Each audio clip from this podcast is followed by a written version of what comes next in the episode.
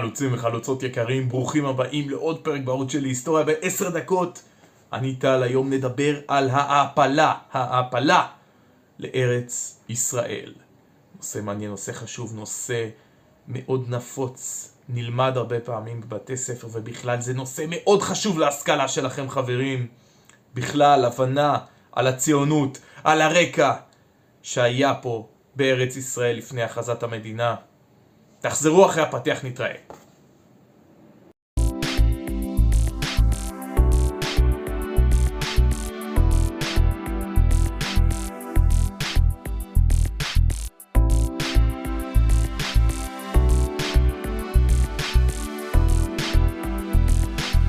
גבירותיי ורבותיי, ההעפלה. עוד פרק בערוץ של היסטוריה בעשר דקות, אני טל. היום נעשה איזושהי סקירה קצרה על המפעל הציוני ועל הנושא הזה שנקרא העפלה. מה זה בעצם העפלה? העפלה זה בעצם שם כולל לכל הפעילות המאורגנת להבאת יהודים לארץ ישראל בתקופת המנדט הבריטי. היה מתח וקונפליקט גדול בינינו לבין הבריטים ששלטו בארץ באותה תקופה. אנחנו מדברים על משנות ה-30, הבריטים שלטו עוד לפני כן, אבל ההעפלה בעצם התחילה מסביבות אמצע שנות ה-30 עד אה, לקראת הקמת המדינה אה, ב-48. אז מצד אחד זה הקונפליקט, מצד אחד אנחנו היהודים רצינו לעלות כמה שיותר אה, יהודים לארץ ישראל, להגביר את המפעל הציוני, להציל יהודים, מצד שני הבריטים רצו לצמצם, ליצור סדר, ליצור איזושהי מכסה. הם עדיין היו הריבונים של הארץ. הבריטים הגבילו את העלייה על ידי דבר שנקרא סרטיפיקט, זה בעצם אישור, סרטיפיקט זה אישור, עשו מין אה, מכסות כאלה, הקצאות מצומצמות, יכולים לעלות רק איקס יהודים בתקופה מסוימת. והם אה, גם בעצם אה, הסבירו את המדיניות שלהם בספר הלבן. כל הנושא הזה של הצמצום העלייה של היהודים, הרצון של הבריטים לשלוט במדינה, ליצור סדר, אה, אולי גם באיזשהו מקום לא להרגיז יותר מדי את האוכלוסייה הערבית באותה תקופה בארץ ישראל, אז אה, כל נושא המדיניות של הבריטים וגם נושא הסרטיפיקטים, האישור, הצמצום של העלייה, הם אה, כתבו את זה בין היתר בספרים הלבנים, שזה בעצם סדרה של ספרים, בהם הבריטים בעצם סיפרו על המדיניות שלהם, כתבו אותה וארגנו אותה בעצם בצורה כתובה. עלייה בלתי לגלית זה ביטוי חשוב, זה בעצם כינוי לעלייה יהודית לארץ ישראל שלא בהתאם למכסות ולרישיונות שקבעו הבריטים. עלייה בלתי לגלית הגיעה, התבצעה בעצם בסתר לארץ ישראל, זוהי ההעפלה. מן הסתם הדרך לארץ ישראל בצורה שהיא מה שנקרא נסתרת ושהייתה אפשרית למפעל היהודי הייתה באמצעות אה, העפלה בספינות. ובשנת 1934 הייתה הספינה המעפילה הראשונה אה, שהגיעה בסתר בעצם מרד, לספינה קראו וילוס או וילוס לא וויליס וארגון החלוץ הוא זה שבעצם פעל אה, כדי אה, לארגן את העלייה, הוא פעל תחת המטריה, תחת חסות ההגנה, ארגון ביטחוני לוחם שהיה לנו ליהודים בארץ ישראל באותה תקופה, והוא קידם את נושא אה, העלייה וההפלות לארץ ישראל. בין התקופות של ההפלות ומכסות וכמות יהודים שצריכה להגיע לארץ ישראל, אז עד בעצם פרוץ מלחמת עולם השנייה, 1939, הצליחו אה, לעלות לארץ ישראל דרך המבצעים הנסתרים אה, של ההפלות, כ-50 אלף אה, מעפילים.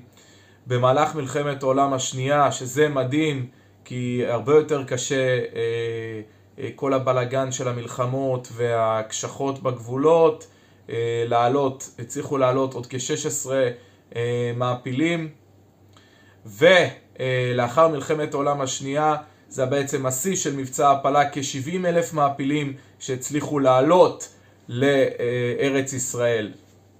אז בהתחלה רוב המעפילים אה, נתפסו על ידי הבריטים וגורשו גורשו למחנות מעצר בקפריסין. אחת מספינות המעפילים הכי מפורסמות שראוי מאוד להזכיר אותה, אם לא באמת הספינה המפורסמת ביותר, היא האקסודוס. ספינה עם uh, בסביבות uh, 5,000 איש, רובם המכריע ניצולי שואה, שנתפסה על ידי הבריטים. ספינה הזו יצאה מאזור צרפת, והיא נתפסה על ידי הבריטים, כאשר קדם לכך מאבק עיקש שהבריטים אה, נוגחים בספינה בין היתר באמצעות משחטות של הצי המלכותי, הארטילריה שלהם, ואותם מעפילים שלנו מתוגברים בעזרת ארגון ההגנה, ונלחמים אה, ממש בחירוף נפש, כשמה שיש להם מול הצי הבריטי זה תחמושת כמו תפוחי אדמה שהם משליכים על החיילים הבריטים, ושימורים. ובסופו של דבר הספינה אקסודוס מחופי ישראל ממש כפסע אה, מלעלות לארץ.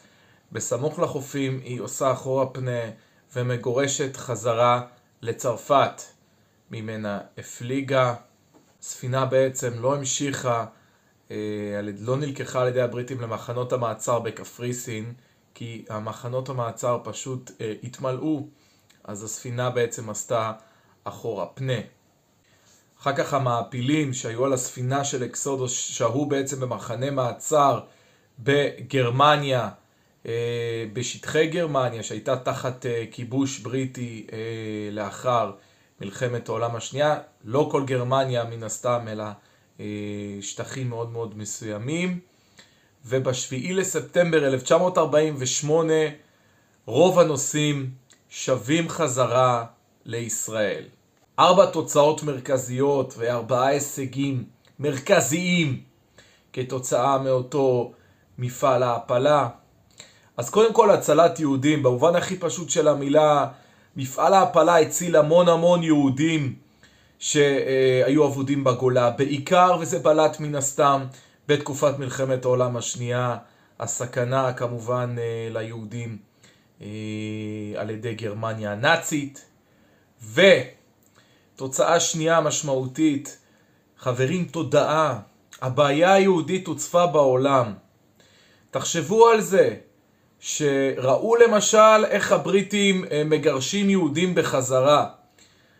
וראו את הבעיה היהודית, יהודים אבודים, מראות קורעי לב, והעולם ראה והבין עד כמה יש לנו רצון חזק למדינה משלנו, ועד כמה אה, באמת אה, עמוקה התופעה הזאת של, אה, של פליטים יהודים שאבודים ורוצים להגיע לארץ מולדתם ולא יכולים. כמובן שבעקבות כל הצפה של הבעיה היהודית, אה, הישג מדיני חשוב, בדמות אותו זרקור שהופנה אה, לבעיה היהודית. ותוצאה שלישית זה בניית היישוב. היישוב התלכד תחת המטרה המשותפת, המשימה של ההפלה של להביא עוד יהודים בחשאי לארץ ישראל.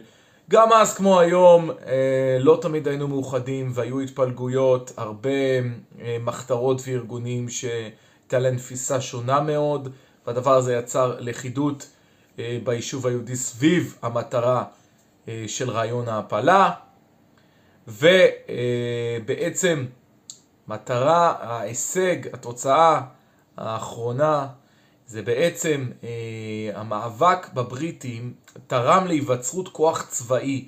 כל הנושא של המאבק בבריטים, אה, ארגון ההגנה שרצה לתת גיבוי למעפילים, מבצעים חשאיים כדי לפגוע בעצם בגשרים אה, של אה, בריטים, ליל הגשרים למשל, אה, שהפלמ"ח השתתפו בו, מבצעים חשאיים כדי לפגוע בצי בריטי, וזה בעצם היווה את הבסיס להיווצרות של חיל הים וצה"ל.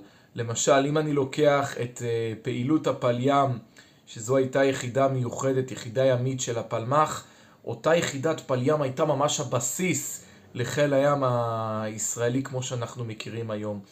אז כמו שאמרתי ואני אסכם, אז הצלת יהודים, אז יש לנו את הזרקור אה, לבעיה המדינית, לבעיה היהודית בעולם, העולם מבין מה הבעיה היהודית, כמה חשוב שתהיה לנו מדינה, זה כמובן אותו הישג מדיני, ולכידות בעם סביב הרעיון של ההעפלה, והתפתחות צבאית של היהודים אה, בארץ ישראל, דבר שבהמשך עזר לנו עם מלחמת העצמאות והקמתו של צה"ל. אז חברים, תודה רבה. אם אהבתם תעשו לייק, רשמו כמנוי. אני הייתי טל בר שירה. תודה רבה. חברים, חלוצים, ו... שיעול, גם זה קורה. אתם רואים? קורה. אז חברים, תודה רבה. לייק, רשמו כמנוי, הפיצו הלאה את רעיון הבשורה, ונתראה בשבוע הבא. תודה.